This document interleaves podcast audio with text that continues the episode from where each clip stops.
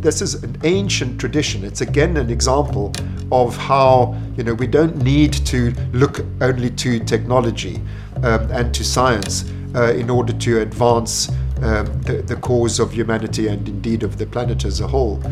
I think that for every you know every dollar and every minute that we invest in developing artificial intelligence, we should also invest at least a dollar and a minute developing the good qualities of our own minds, like compassion. Inilah Endgame.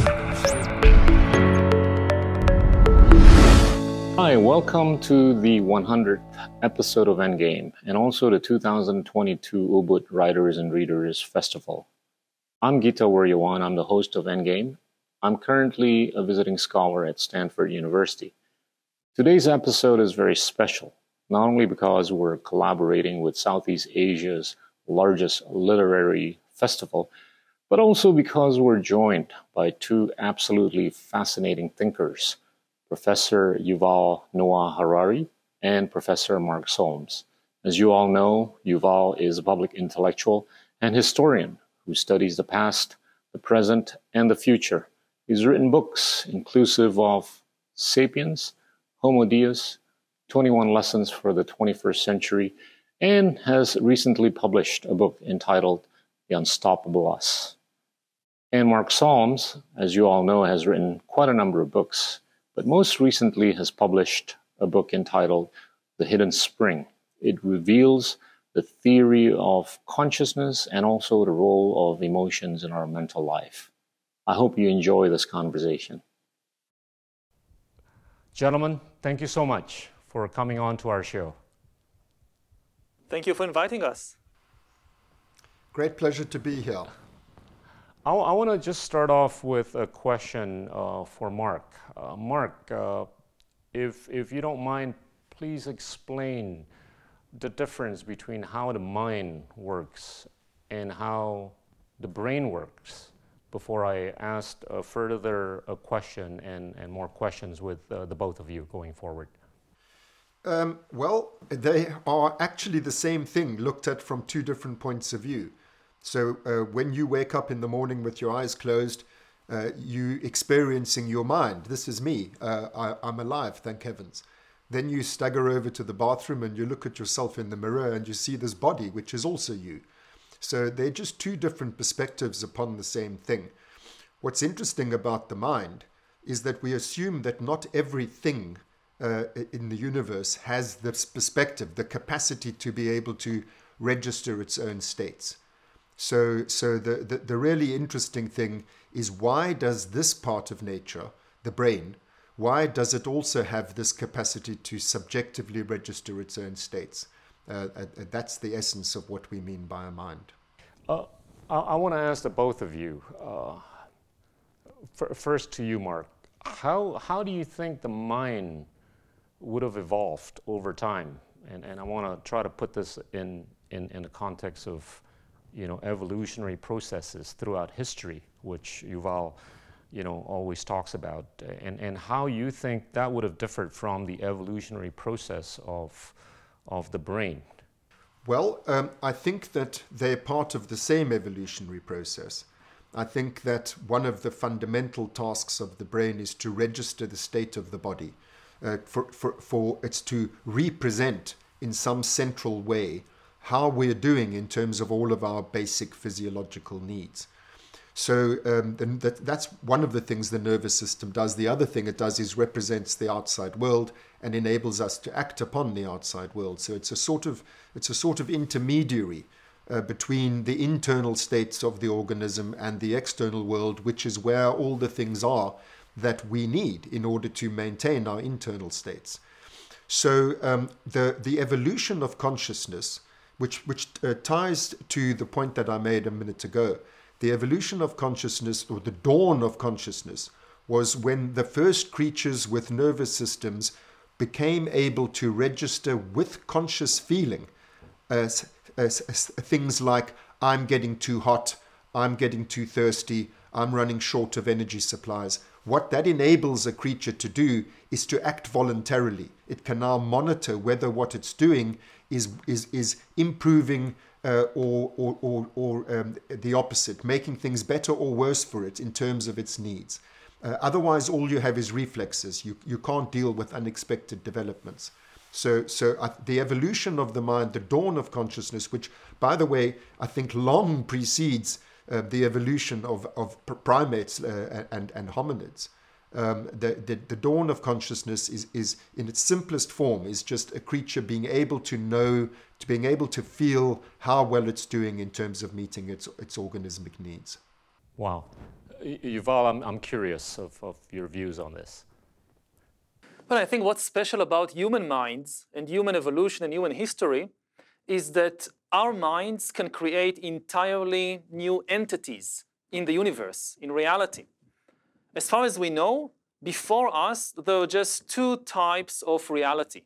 You have objective reality, things that exist no matter whether we believe in them or not, no matter whether we are aware of them or not. For instance, viruses are objective entities. Even if you don't believe in viruses, even if you don't know there are viruses, they can still kill you. That's objective. Then we have subjective uh, entities like pain or like dreams. They exist only in our mind, only in our awareness. If I have pain, if I feel pain, and nobody else in the universe feels it, it's still real because it depends only on my own mind. What's, and that's true also of animal minds. Cows feel pain, chickens feel pain. What's really unique for humans, as far as we know, and this is the basis for human history, is the ability of humans to create new types of entities, not objective and not subjective, but intersubjective. Entities that exist between many minds. For instance, money. Money is not a subjective thing. It's not my personal dream or my personal pain. If I stop believing in the American dollar, it's still there. Billions of other people still use it. But it's not objective either. Money is not an objective entity. It's not pieces of paper or coins of gold. Most money today in the world is basically just information passed between people. And even gold coins they have no objective value. People can't eat them. People can't drink them. They are completely useless. But together, we imagine that this thing has value. And as long as everybody believes in the same story, it works. I can go to the market, meet a person that is a total stranger. I've never met them before.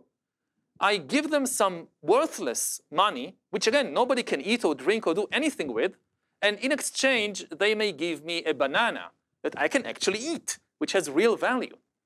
Money is an, something that exists not in my mind, but not in the outside world, but in the connection between all our minds. And most of the important things in history are like that. Gods exist in our collective imagination.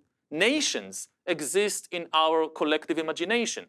No animal in the world knows that there are nations, that there is Russia and Ukraine and Indonesia and Israel. It's just a story that exists in our collective imagination.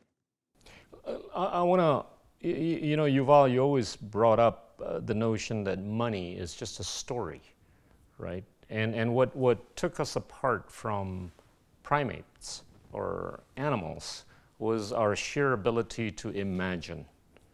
And as a result of our imaginative capabilities or abilities, you know, we, we, we started developing these social skills that would allow us to attain any kind of leadership in any dimension, right?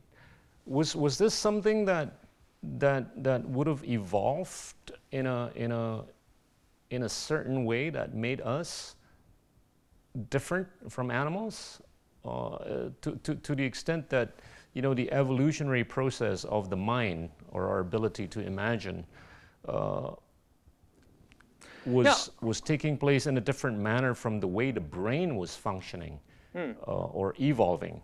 No, it's based on the brain.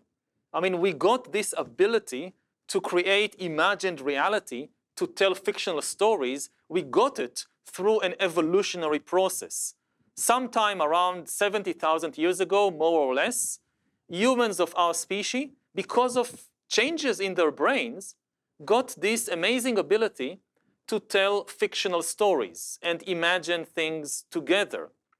But then what you see since then is relatively little further evolutionary change. Our bodies, our brains are more or less the same as they were 20,000 or 50,000 years ago.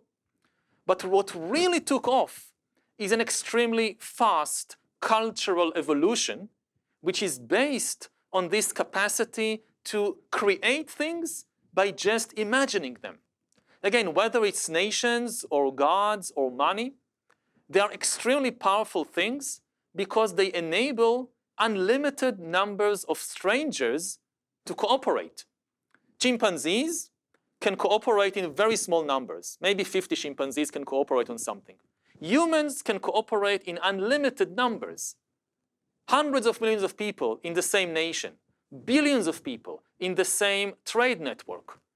And we can do that because of our shared stories. That, like this shirt that I'm now wearing, somebody on the other side of the world, maybe in Indonesia, produced it and gave it to me.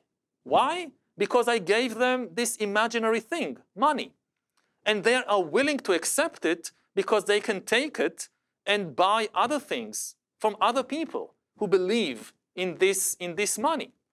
And this is why we control the world and not the chimpanzees. When millions of, of, on an individual level, I'm not significantly stronger or smarter than a chimpanzee. But when you are in a, in a competition between millions of people and a handful of chimpanzees, it's obvious who is going to win. Mark, what do you think?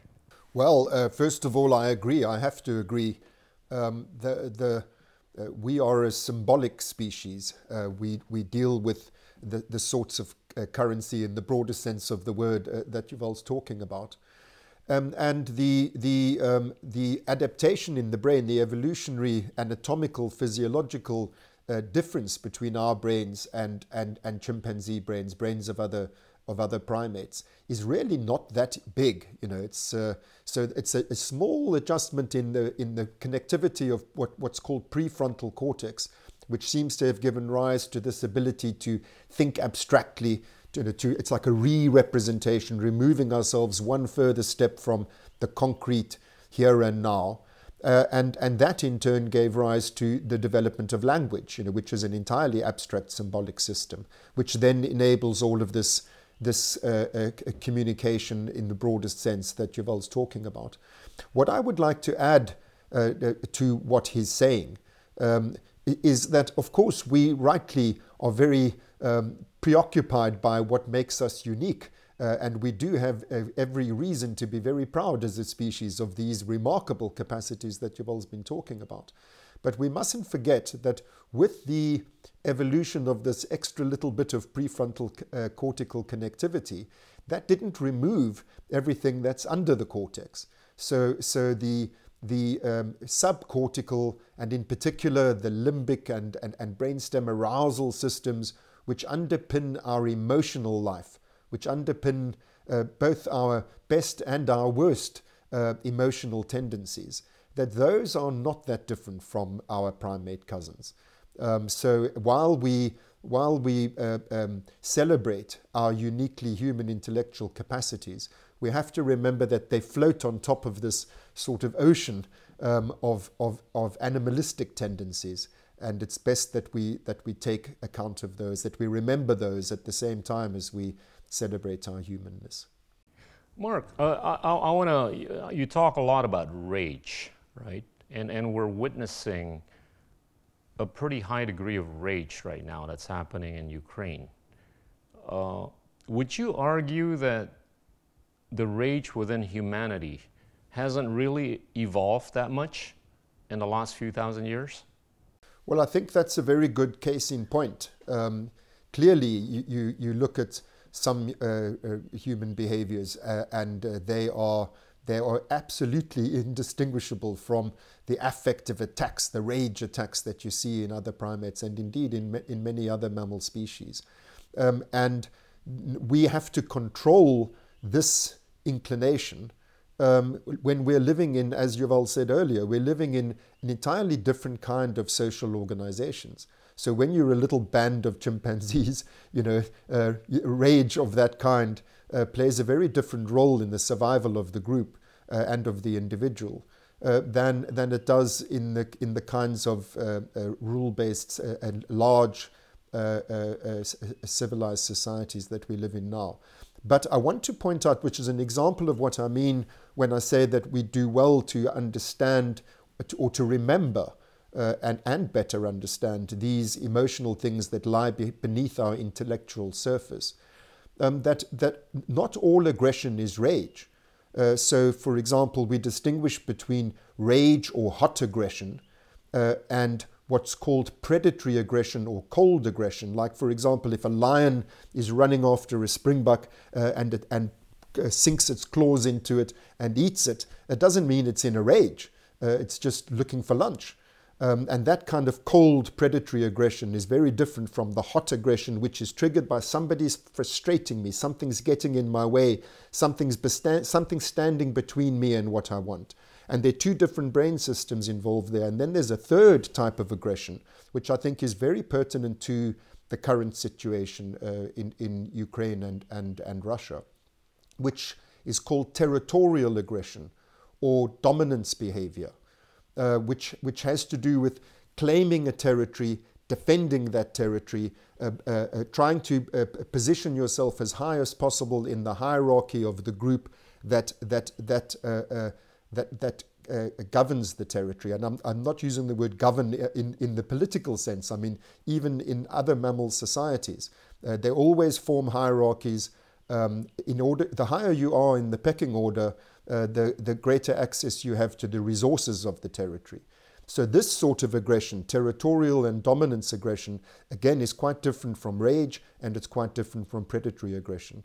Uh, there's a lot more I could say about it, uh, but uh, the, the point I, I, I, want to make is just that us understanding these different types of aggression, uh, what sorts of things trigger them, uh, uh, how they work, I think it's not going to perform miracles, but I think it can contribute to us better understanding the, these, these very unpleasant aspects of our nature. Um, and there, that's the first step toward being able to better control them. What's your view, Yuval? Go ahead.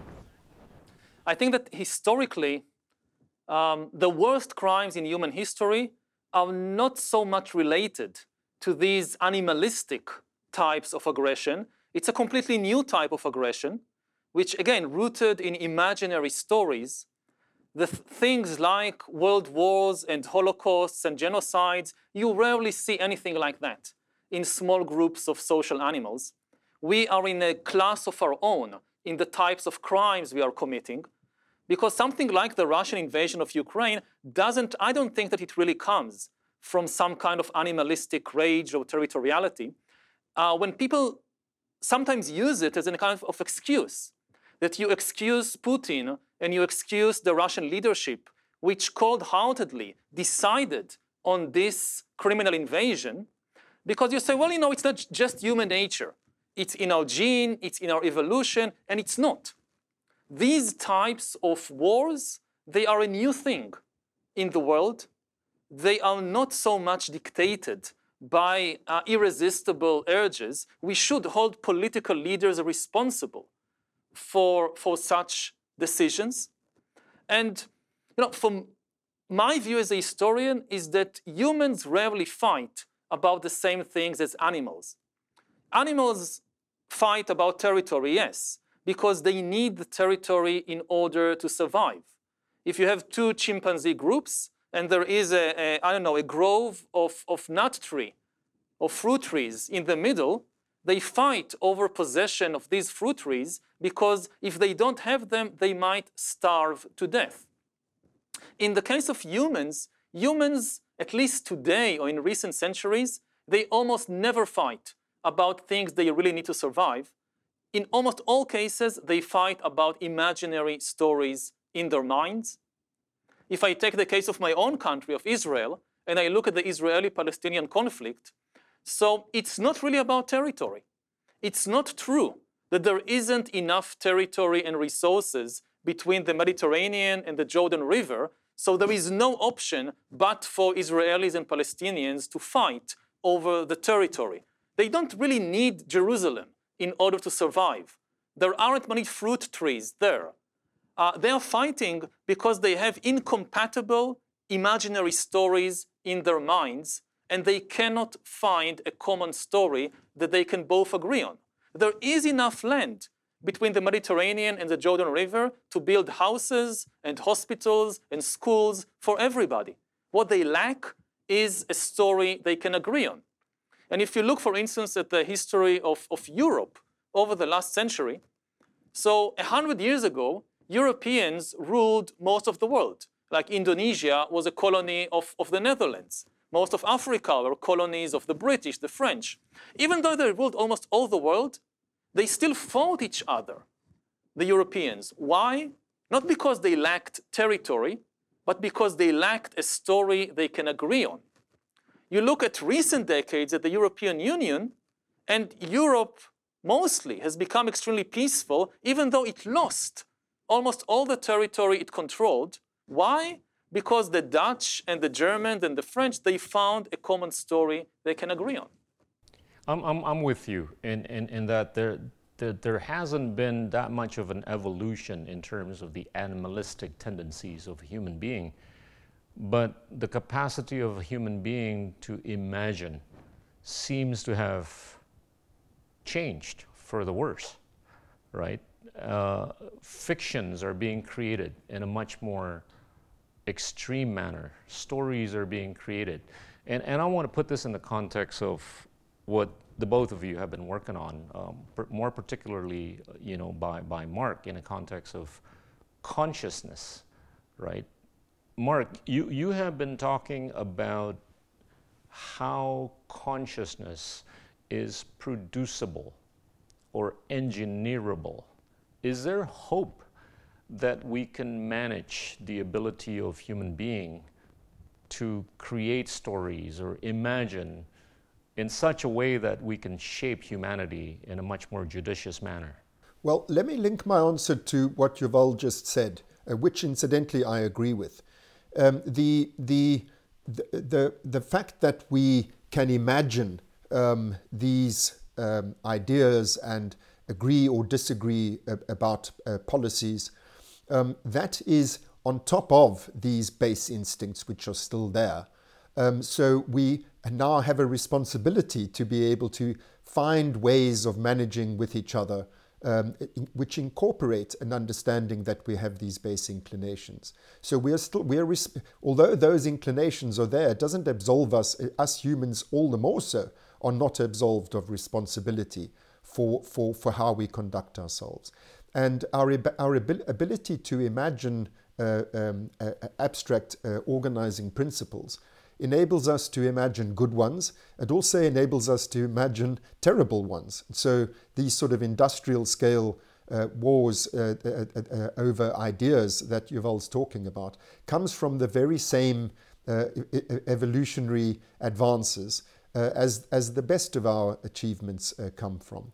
Now, the same applies to the question that you're asking me about artificial consciousness, um, which, is, which is what you're alluding to. When I say that right. that I believe that uh, that that consciousness, at least in its in its most basic forms, uh, and I'm sorry if I sound like a nutcase uh, to, to, to some of our audience, because certainly uh, a, a, good few years ago I would have thought anybody saying this is crazy. But uh, you know, I'll, I'll, leave aside all the scientific reasons why I, I now do believe that it is possible for us to engineer an artificial form of consciousness.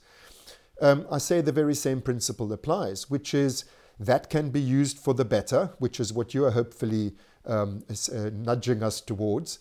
Uh, you're saying, you know, how might this uh, uh be of benefit? Uh, how, how might this make us more optimistic about the future of our species? Um, but uh, I'm sorry to say it equally can be used to our detriment.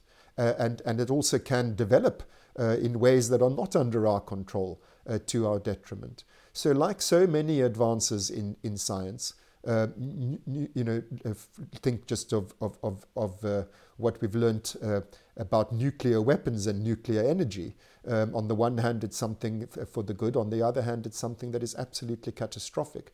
So I'm, although I am involved in a project uh, uh, which uh, fascinates me and which I'm really deeply committed to, where we are trying to develop an artificial, an agent with artificial feelings. Um, I'm very, very anxious about uh, what the possibilities are as to how as to how this can be used, um, and also how it might backfire on us. So yes, are fantastic opportunities for an artificial general intelligence arising out of the, the, the now, I think, imminent uh, capacity to, to develop an artificial consciousness. But there also are terrible risks, and we have to be um, the kind of collective decision making uh, and the collective cohering around ideas that Yuval was talking about. I think we need to do this fairly soon uh, in terms of taking responsibility for the implications of artificial consciousness. You know, the, work the work on on ushering new kinds of artificial intelligence seems to be moving in a rather exponential manner, right? And and this this leads to, you know, the point that Yuval has repeatedly raised uh, in that you know we're likely to become more and more inorganic, right? How how do we deal with this future where humanity is is going to become more inorganic? How do we make it in such a way that there's more or a higher degree of manageability to this? I'll, I'll ask the both of you. Well, that's that's probably uh, your department more than mine. Uh, uh well, um, I think it, it is extremely dangerous, and we should slow down because we don't understand the mind well enough and we don't understand the body well enough to start manipulating them. And the, the danger is that if we give you know, corporations and armies and governments the technology to start manipulating the human bodies and minds, and create, say, connections between brains and computers and so forth. We've learned so many times from history that they are likely to try and enhance qualities that they need while ignoring many other important human abilities and characteristics. And the result will not be upgraded humans, it will be downgraded humans. To give an extreme example from history of how it works, a lot of kings and emperors and sultans in history had this problem that if they gave a lot of power to their ministers and generals, these ministers and, generals might turn against them, kill them, and try to establish their own dynasty. And this was always a problem for every emperor. So many emperors around the world, in China, in the Middle East, they came up with an amazing solution based on ancient biotechnology, which was castration and the creation of a new kind of superhumans called eunuchs.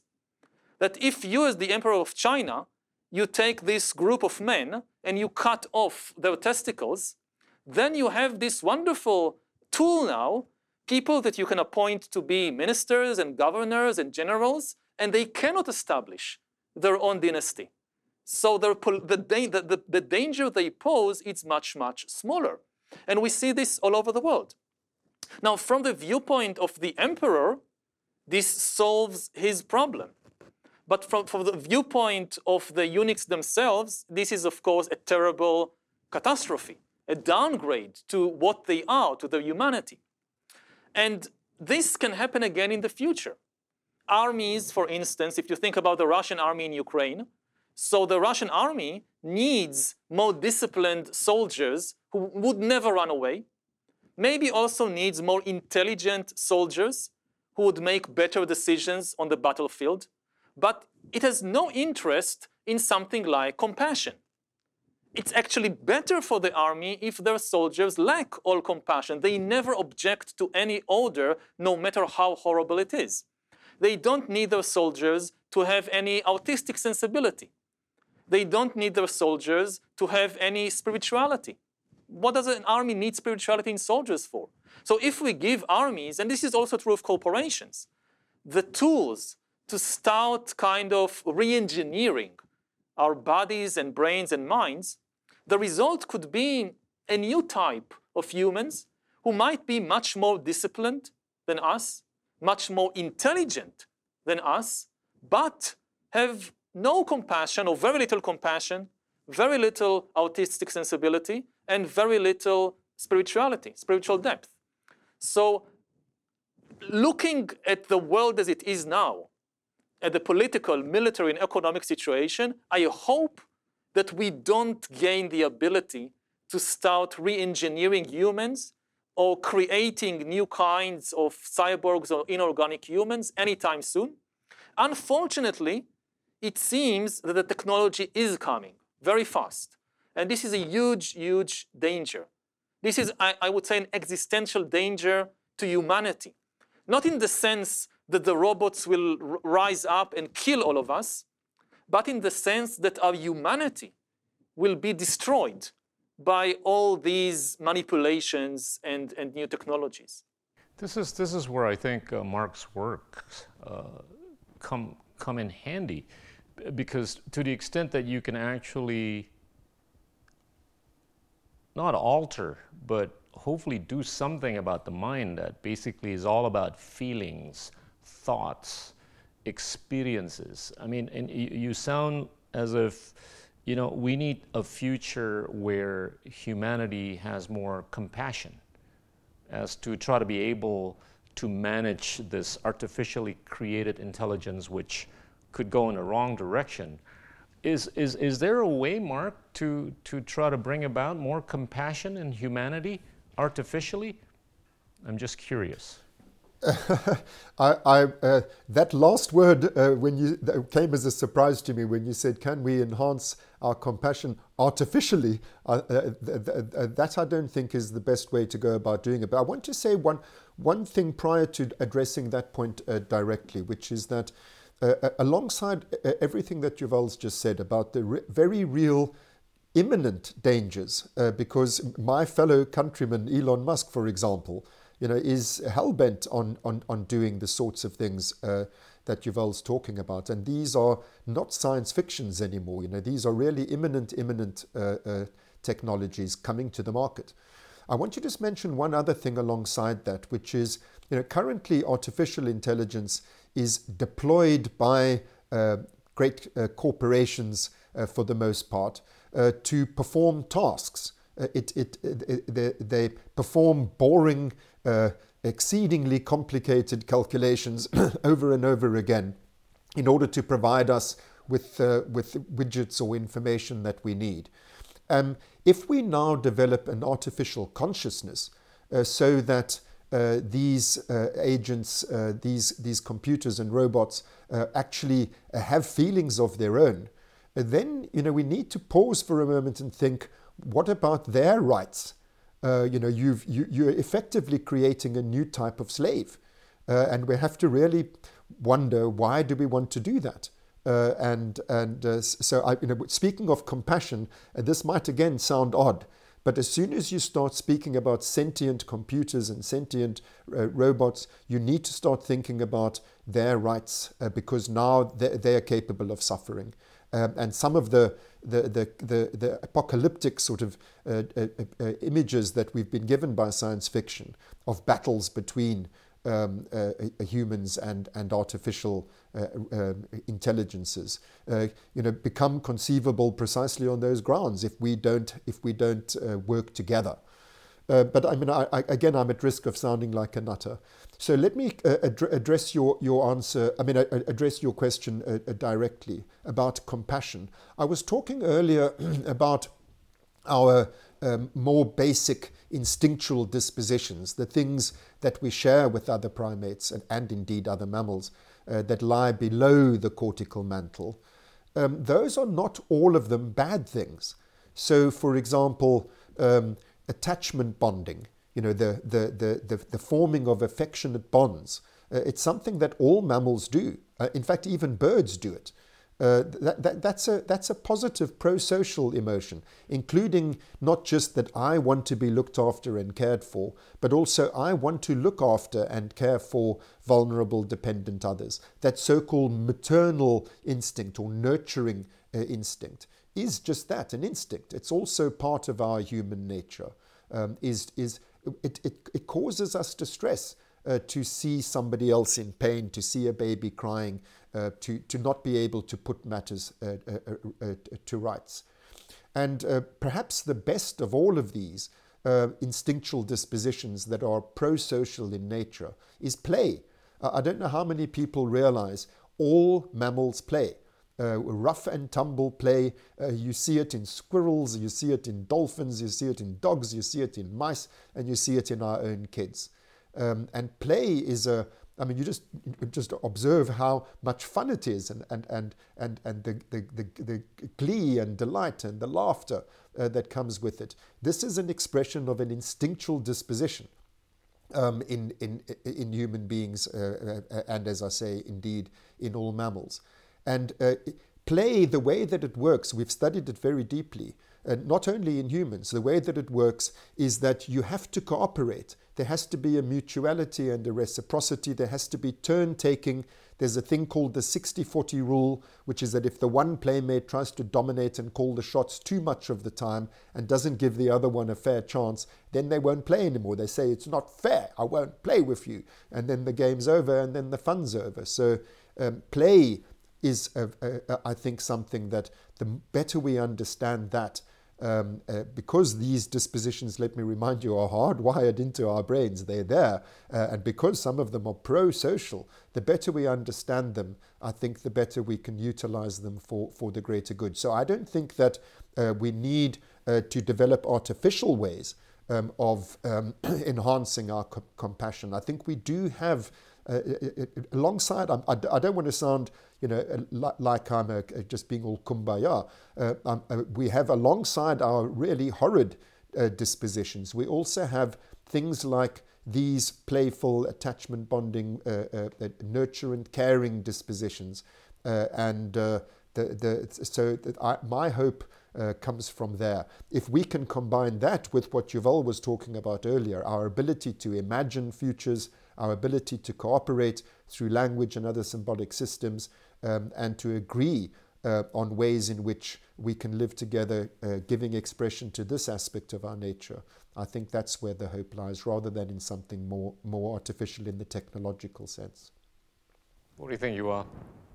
Yeah, I completely agree. I mean, um, again, we know so little about how the mind really works and also how the brain really works that we are very, very far from being able to artificially just produce compassion in a, in a human being. On the other hand, uh, we have good ways that we developed over thousands of years of how to develop compassion.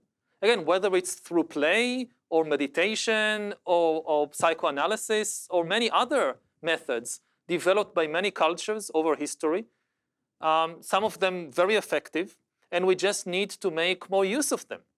I think that for every, you know, every dollar and every minute that we invest in developing artificial intelligence, we should also invest at least a dollar and a minute in developing our own consciousness. And developing consciousness means developing the good qualities of our own minds, like compassion. Uh, so um, I, I don't think that we need, in this sense, to invent something completely new. We just need to pay at more attention to what we already know. Look, um, Yuval, I know you practice meditation, uh, and, and as, as a, a, relatively new student of meditation, uh, I, I, I, I get this notion that, you know, if, if you meditate, you can tap into the subconscious, you can tap into the unconscious. Would you share the view that this could be something that could help bring about more wisdom? Meditation is basically bringing more attention to what's already in us. It's not creating anything new. It's we are we have very little awareness of what is most of what is happening in our mind and most of what is happening in our body. Our attention most of the time is outside. And therefore, also, for instance, we tend to blame all the problems in our life on somebody else. And meditation, in essence, it's very simple. You just reverse the gaze. You bring more attention to observing what's happening inside me. And inside me means both in the body, you pay more attention to your breath, the sensations in your body, and also what's happening within my mind. Like if some story arises in my mind about what somebody did to me, I don't start rolling in that story. I'm just observing what's happening. Hey, I had this memory now coming up, and look, suddenly uh, a rage is also coming. And suddenly my breath is becoming much more uh, stronger. And I have all these unpleasant feelings in my body. And just by bringing more attention, things that were previously subconscious or unconscious, they are now conscious. And it doesn't force you to do anything specific with them.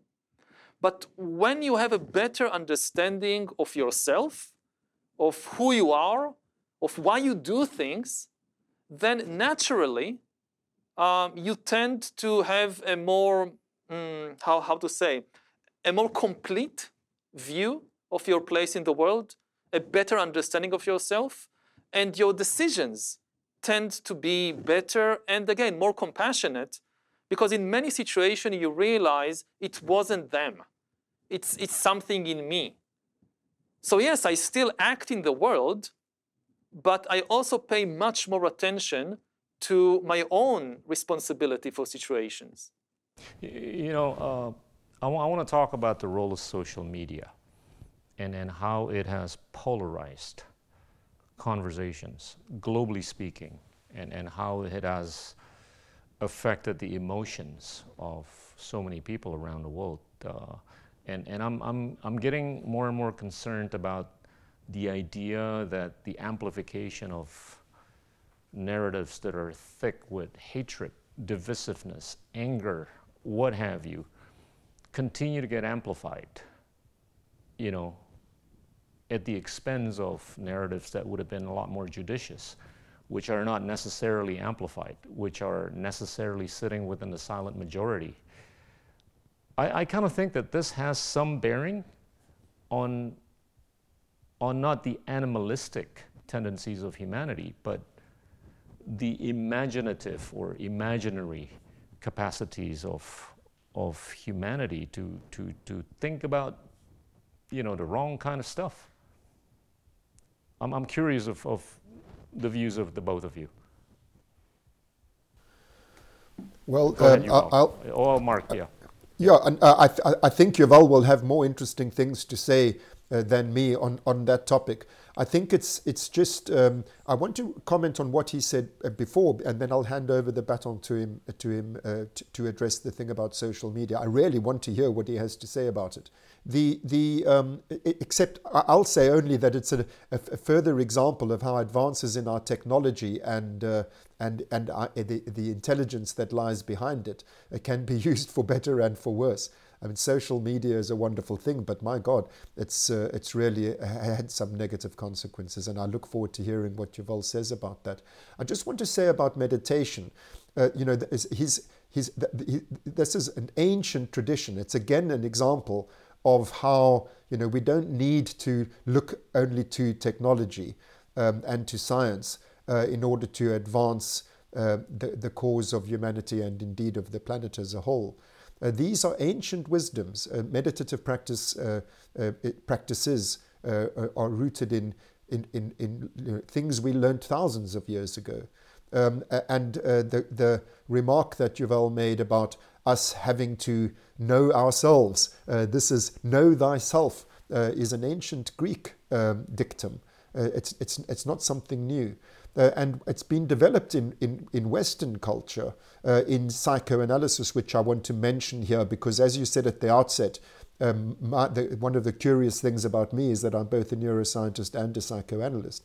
And uh, the reason I trained in psychoanalysis was precisely because um, these sorts of things, the, the, the, the contemplative, introspective, um, subjective aspects of our humanity were not sufficiently prioritized in, in my basic discipline in, in, in neuroscience and neuropsychology. There's too much focus on you know, the design of the functionality, the mechanisms, uh, the information processing, etc., and not enough focus on these things which are profoundly important, as you can, as you can gather from what, from what Yuval was just saying. So psychoanalysis is like meditation, a, a, a way of getting to know yourself. Uh, and to take better responsibility for yourself, to not look outwards. Freud said um, the, the mind is like the esophagus. Uh, it wants to flow in only one direction. We want to just look outwards. We don't want to look inwards. We strongly resist knowing ourselves, but it's an enormously powerful um, tool. Uh, um, so while we're making all these advances, let's not forget uh, th- these these these ancient uh, and and and relatively old uh, practices, which are extremely valuable for us. But over to you, Yuval. I really want to hear what you have to say about the scourge uh, of of what's going on in uh, in our social media age. Yeah, we can, we can start from the end and say that it's very clear that something is broken in the information system of much of the world. We we see it in democracies all over the world in very different situations the US, Brazil, Israel. You see the same tendencies of the conversation breaking down. People unable, political rivals, simply unable to hold a conversation, which is terrible because democracy is simply a conversation. That's what it is. Dictatorship is a dictate. Somebody dictates what to do. Democracy is a conversation between people with different views. When people with different views cannot talk to each other, that's the end of democracy. When they can't talk, the only thing left for them to do is to fight. Then you can establish a dictatorship or you can have a civil war, but there is no democracy anymore. And why is it happening? It's not because of greater ideological divides, because actually the ideological differences in places like the US are smaller than they were 50 or 60 years ago. When you look at the actual things people argue about in the US today, the differences are much smaller than they were in the 1960s. So it seems to be something else is happening. And one of the suspicions is that it's, it's, it's because of our information technology. And the usual theory goes like this, that in the new information space, especially in social media, there is a constant battle for attention. It's easier than ever to produce and broadcast, but then every, more and more people are fighting for a limited resource, which is attention. And how do you grab somebody's attention? And this goes back to what Mark was talking about, to all our, all our deep animalistic tendencies. The easiest way to grab attention is to press the anger button, or the fear button, or the hate button. And people, you know, they learn this and they press these buttons more and more. If you say something that makes a lot of people angry or makes a lot of people uh, uh, extremely fearful, it grabs their attention. If somebody says something far more moderate, it's less important. So there is this arms race of saying more and more outrageous and frightening and hateful things. And this destroys the ability to have a conversation. So that's kind of one, one thing about what's happening with social media. The other thing is, is really just the distraction that it's so, again, it's, it, it, became so good in grabbing our attention that it doesn't allow us to pay attention to almost anything else. And this goes back again to the, what we talked about meditation and psychoanalysis know thyself if you're constantly just on your smartphone or just on the screen, this is not knowing yourself. This, you're flooding yourself with more and more information from outside. And in the end, like going very, very at a very deep level, um, you can never be happy if you don't know who you are. It's, it's just impossible. The, tr- the, the deep source of happiness in the world is not control over the world, People think in order to be happy, I need to control the world and arrange it to my liking. whether on a personal level or on a global level. And it is impossible. You cannot do that.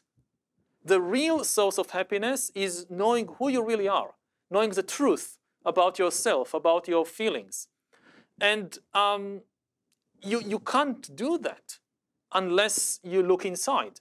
And if you look inside, I think ultimately the, the truth about human beings is not so complicated actually. When you look inside, you see a very simple mechanism at work. In the body, there are basically just two types of sensations, of feelings. There are pleasant sensations and there are unpleasant sensations. And the mind reacts to these two types of sensations in one of two ways. If it's a pleasant sensation, it wants more. If it's an unpleasant sensation, it wants less. It hates it. It wants to get rid of it. And that's the, that's the whole thing. This is what is happening all the time. And when, when we do manage to get something we want and we have a pleasant sensation, we don't react with satisfaction. We react with wanting more. We crave for more of that. And this is endless. No matter what you achieve, if you don't understand this mechanism, no matter what you achieve, the reaction will simply be wanting more. And you see, the, the whole of human history, it's just that.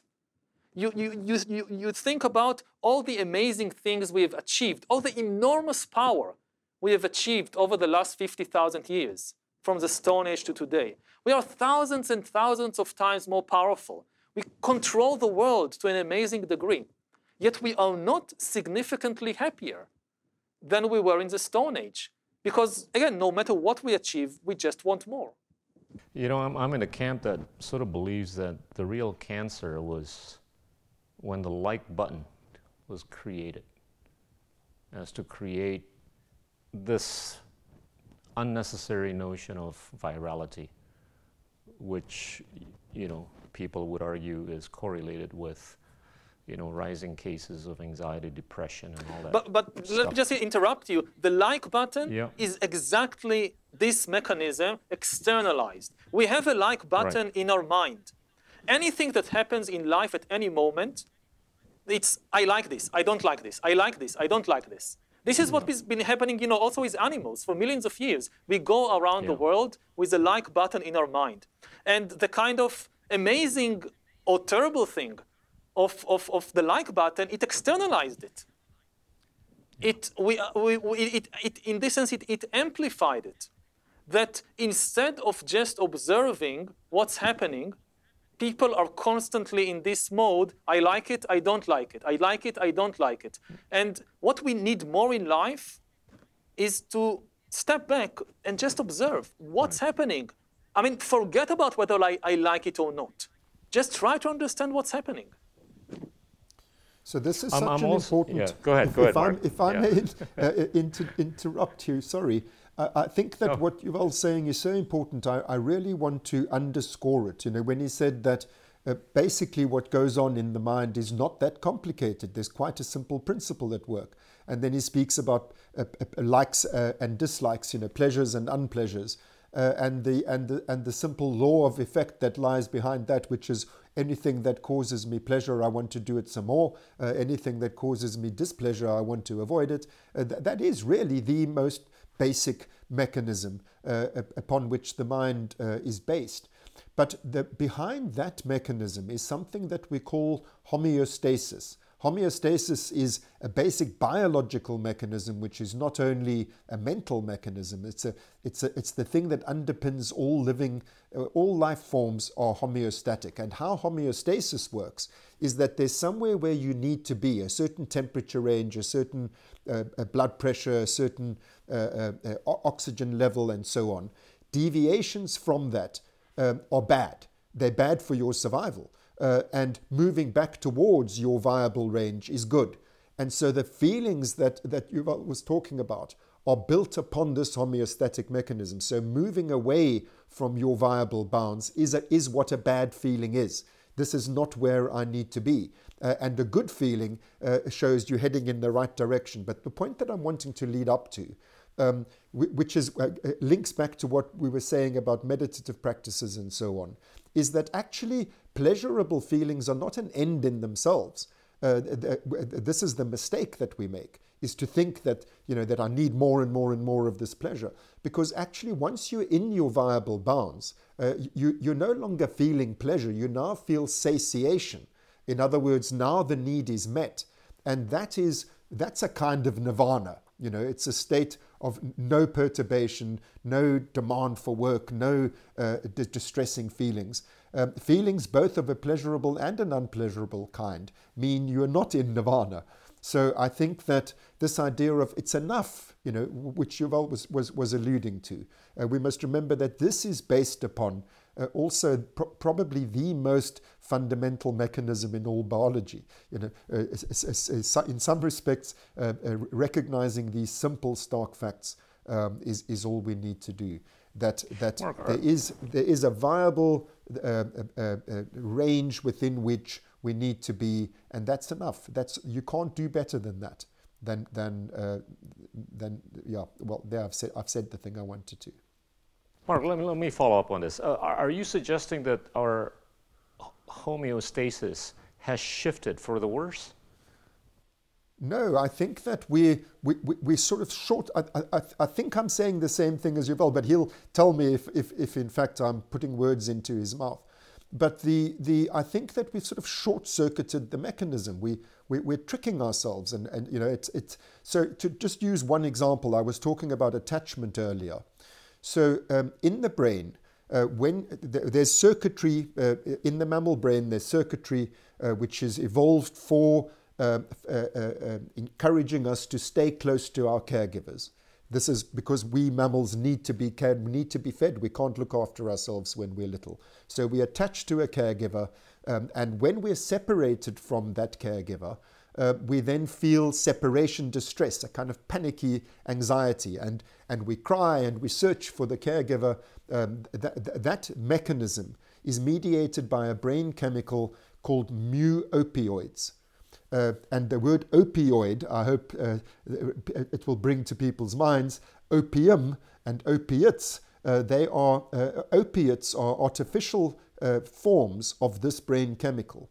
So now, if you're in a state of separation distress, in other words, you're longing for somebody's care and love, there are two things you can do. Uh, the one, in, in, in order to, to, to, to meet that need, either you can do the work that's necessary in the world, in reality, in relationships, of finding out how do I get people to stay with me, to love me, to want to be with me, to care about me. That's the great task of life is learning how to meet our emotional needs. Or you can do something else. You can just shoot up heroin.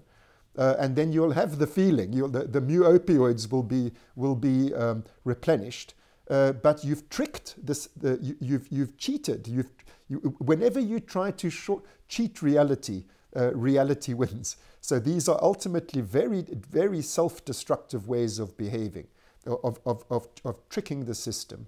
Uh, and you'll note the role that feeling plays there. So you get an artificial uh, uh, feeling of, ah, oh, life's a beach, I'm chilled out, this is great, uh, uh, uh, all my needs are met. But in fact, you haven't met your need. You haven't got somebody's love and care and attention.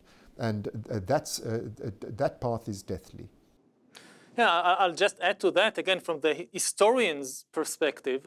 This happens on the level of an individual who becomes a drug addict.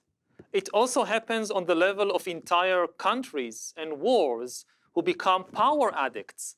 Again, go, we go back to the Russian invasion of Ukraine, and the Russians justify it with their need for security. Now, they are the biggest country in the world. And they still feel insecure. They still feel that they must have this territory in order to feel secure. And if they had this territory, it would not end there. They would want more and more. And again, it's all something that happens inside. Because again, if you look at the international situation in 2022, which country was about to invade Russia? No country. I mean, they talk about the security needs, but can they name a country which was actually about to invade them in 2022? Were the Germans massing their armies to invade Russia? Were the French, did Napoleon get out of his grave to, in order to again march on Moscow? No. They had, again, in the, the Russian elite, in their mind, they felt very insecure They built this fantasy and threw their insecurity on NATO, on the West, on all kinds of boogeymen, and felt that we must invade Ukraine in order to feel secure. And, um, you know, this is very much like the heroin addict. They are not looking inside to really see where the insecurity is coming from. It's not really coming from the Germans about to invade them. It's coming from within their own worldview, from within their own minds and fantasies. You know, you know, it sounds like we need a lot more compassion going forward. And, and I want to I wanna seek your wisdom on how do we science compassion more into humanity, be it from a psychoanalytical point, uh, standpoint or any other point of view? Well, um, I think that building uh, on what we've discussed already, the, the, the, the, the, the uh, need to look inwards and to see what's motivating you, to, to recognize uh, especially unwelcome facts about yourself. You know, it's uh, uh, we, we don't want to face up to facts. We especially don't want to face up to unwelcome facts. Uh, but they are facts. They're there. Uh, and if you don't face up to them, they're still there. Uh, you just have less chance of being able to take account of them, and therefore less chance of being able to do the wise and realistic thing. Um, this this introspective uh, um, um, imperative uh, that we've been talking about. Uh, knowing ourselves, uh, seeing this, this, the subjective state of things. all that's needed is a further step to recognize that, you know, just as much as my inner world, my inner life is the center of everything for me, so too is everybody else's for them. You know, the, the, we all of us are subjects. We all of us have feelings. We all of us have inner worlds. We're all the same. Uh, so the more that you recognize the importance and the nature of your own inner mental life, um, I think the, the better opportunity you have, the better possibility you have for being able to recognize other people are not objects, they're subjects. Other people have feelings, other people have needs just like mine. And um, so, although it might sound kind of um, uh, kind of contradictory, I think that exactly what what what Yuval was saying earlier, um, in terms of knowing ourselves. I, I think that, and, and, and properly recognizing the reality of ourselves, of our own inner selves.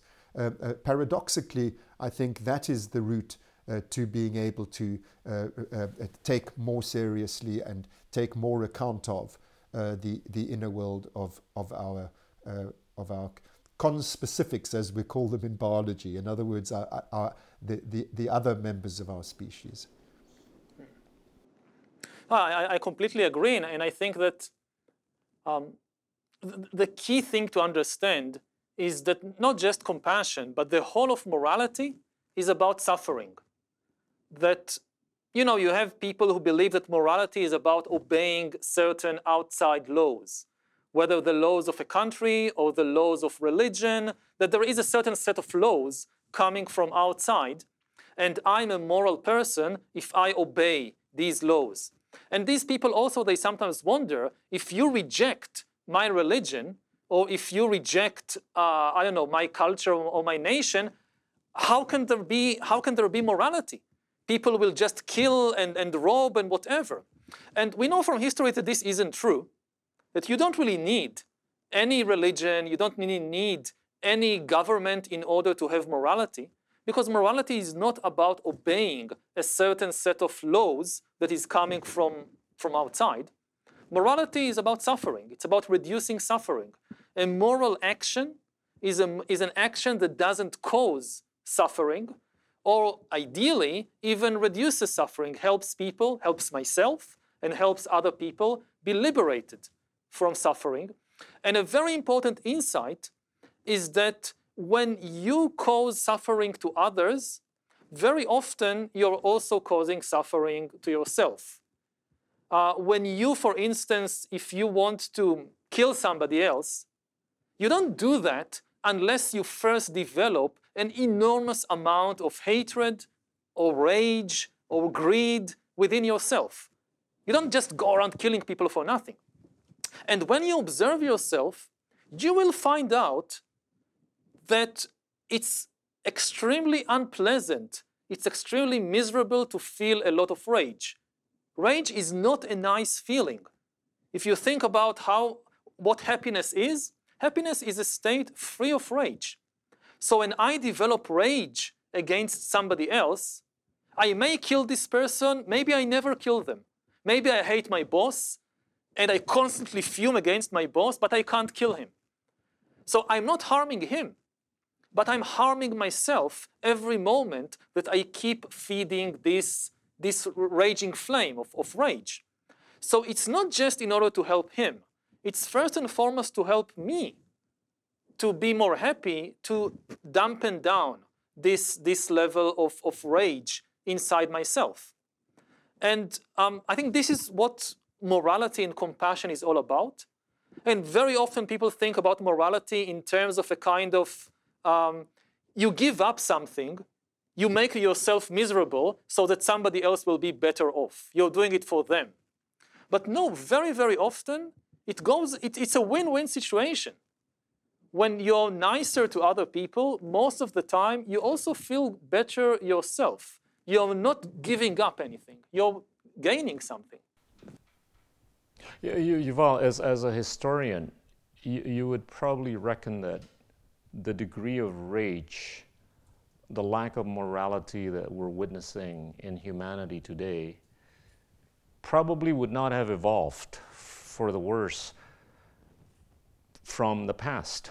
But your concern is driven a lot more by the fact that technological innovation has gone in a much more exponential manner to the point where you seem to believe that the margin of error has gotten much smaller nowadays. Uh, yeah, I mean, it, it, is, is that the right way of think, to think about it? It's obvious when you have somebody in rage and they have a spear knife, that's very different than when you have somebody in rage and they have their finger on the button of, the, of nuclear weapons. Um, in, in, in enough rage and they can destroy the, the whole of humankind. And if now we develop even more ways to destroy our humanity with artificial intelligence, with bioengineering, with so forth, so the danger just grows and grows. You know, you think about a figure like Hitler. So he inflicted so much misery and suffering on hundreds of millions of people. But ultimately, he couldn't change humanity itself. He didn't have the tools to change the human body or the human mind. So you can say it's like it's like a computer game that we kind of we failed collectively, but then we got another chance. Like at the end of the war, we are back to uh, ground to, to, to level ground. We are back to the first stage. We can try again. Maybe this time we can build a better world. But you think about the Hitlers of the 21st century, and it's different. The Hitlers of the 21st century, they will have the ability not just to wage destructive wars.